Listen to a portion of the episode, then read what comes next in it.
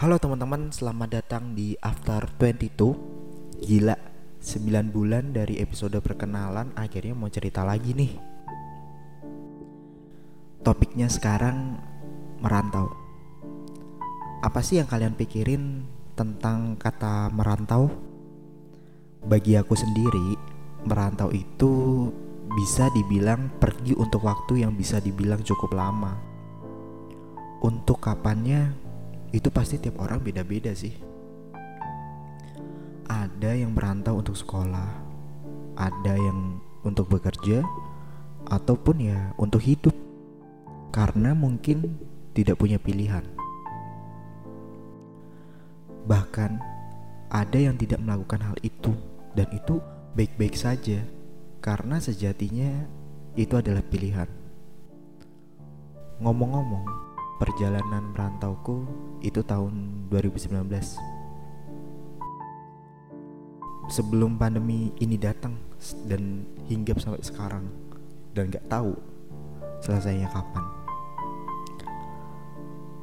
Tepat pada bulan November akhir tepat 12 hari setelah ulang tahun yang ke-22 tahun. Mungkin kita akan flashback dulu sebentar. Pemikiran sebelum merantau ini sudah aku dapetin di semester 8 saat masa kuliah.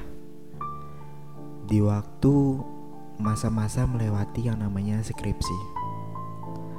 Entah kalian sadari atau tidak, di semester-semester ujung kalian kuliah, ada masanya kepikiran ke depannya mau apa. Memilih untuk istirahat sebentar, langsung bekerja, atau bahkan lanjut S2 saat itu aku berpikir, sepertinya harus deh keluar dari zona nyaman. Akhirnya, dengan sedikit rasa takut, karena jujur aku tipe orang yang cepat mengambil keputusan, tapi cepat juga berubah keputusannya, atau bisa dibilang labil. Ada momen ketika bilang ke orang tua, "Mah, ya, Sepertinya ini waktunya aku keluar dari rumah deh. Cukup dengan kata-kata itu mereka aja kaget dan ya aku tetap meyakinkan diri aku sendiri kalau ini semua benar-benar atas keinginanku. Setelah ngomong begitu di tempat tidur aku cuma mikir, emang bisa ya? Emang sih fasenya tuh udah beda banget yang dulu itu mikirin besok ada tugas apa, besok nongkrong di mana. Eh, sekarang udah beda aja. Bener-bener cepat banget. Menarik sih ke depannya bakal gimana, tapi ada rasa sedikit takut juga. Aku pikir ya ya itu wajar, itu fase dalam hidup. Mulai deh aku mikir untuk merantau. Perlu uang berapa ya? Dan yang paling penting mau ke mana ya? Ditambah lagi saat-saat itu tuh mendekati ujung semester aku harus mengerjakan yang namanya pameran skripsi. Karena DKV kalau ingin lulus ya buat pameran dulu. Alhasil karena aku rasa akan perlu uang yang lumayan banyak dan jujur aku sedikit tidak enak apabila harus minta ke orang tua Dengan berat hati ya sudah jual motor aja motor yang benar-benar spesial buat aku sendiri. Sedih senang ada di situ semua. Jual motor dapat sekitar 9 juta. Itu untuk pameran dan modal untuk hidup di perantauan nantinya. Tentu sebelum berangkat, cari kerjaan dulu lewat platform-platform online yang tidak lain Jobstreet dan lainnya. Alhamdulillah Selama sebulan mencari, akhirnya aku diajak untuk membangun sebuah startup agensi kreatif di Jakarta.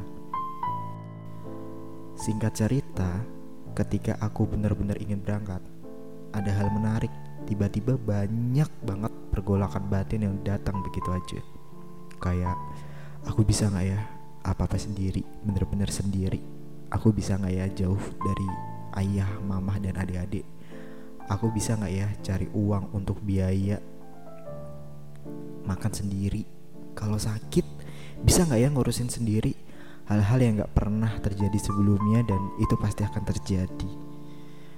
Ada momen ketika sudah sampai di stasiun melihat mamah yang sedang memandang ke arahku dengan tatapan sangat dalam itu jujur tatapan terdalam selama aku hidup dengan dia mungkin dia sedikit sedih terpancar kok dari getaran bibirnya saat dia berbicara namun kurasa dia adalah orang yang paling tahu dan ini adalah fase anaknya harus dilalui dan dia harus terlihat kuat setidaknya pada saat itu.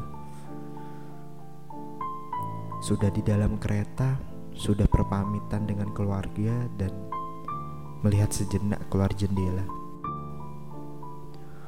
Jujur itu malam yang terasa dingin untuk jam 8 malam. Sejenak berbisik di dalam hati sendiri untuk ayah dan mama terima kasih sudah membesarkan dengan penuh rasa dan kasih. Izinkan pergi sebentar, setidaknya berusaha membuat kalian bangga bisa membesarkan orang seperti ini. Pukul 4 subuh sampai di Jakarta. Sungguh, ini perbedaannya kerasa langsung. Di daerahku, orang itu tidak seburu-buru itu, cenderung ke kalem. Di stasiun aja, Gak tahu kenapa orang subuh-subuh itu ada loh yang lari-larian ngejar kereta. Respect untuk semangat kerjanya. Dan gak cuman itu, waktu naik grab menuju rumah saudara, kok bisa ya orang-orang sepagi itu udah banyak loh di jalan-jalan, udah banyak suara klakson ya udah macet aja gitu. Tapi semua itu gak kerasa. Seenggaknya udah satu tahun setengah lebih ada di sini di kota yang semua orang penuh ambisi, di kota yang semua orang terlalu cepat dan bisa dibilang terburu-buru. Namun akhirnya dapat berbagai macam pelajaran. Poin pertama, pasti rindu.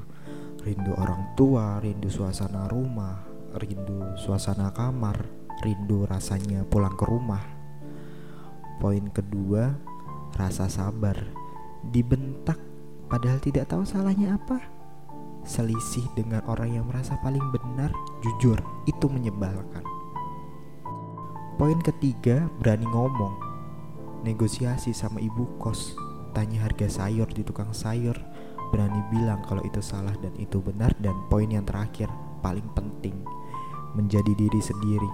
Mau di mana pun, mau bagaimanapun kondisinya, aku rasa kalau berat ya, ya udah bilang berat kalau capek ya bilang capek. Tapi kamu ya kamu jadi diri sendiri. Intinya mau di mana pun kamu, mau gimana pun situasi kamu, jangan gampang berubah. Oh iya, jujur aja, senang rasanya dulu memutuskan untuk merantau. Sekarang lebih bisa belajar mengerti tentang diri sendiri, bisa mencintai dan menghargai diri kita sendiri. Apalagi di masa pandemi seperti ini, pengeluaran lebih banyak pasti, ketakutan dan kecemasan pasti ada. Namun, ya inilah fase yang harus kita lewati. Kita tentu berharap pandemi ini bisa berakhir lebih cepat lagi, biar keluar pun gak takut dan bisa bertemu dengan teman-teman dengan lepas. Dan untuk teman-teman di perantauan di mana pun kalian berada, kalian harus tetap kuat Semoga kalian tetap baik-baik saja dan tetap sehat.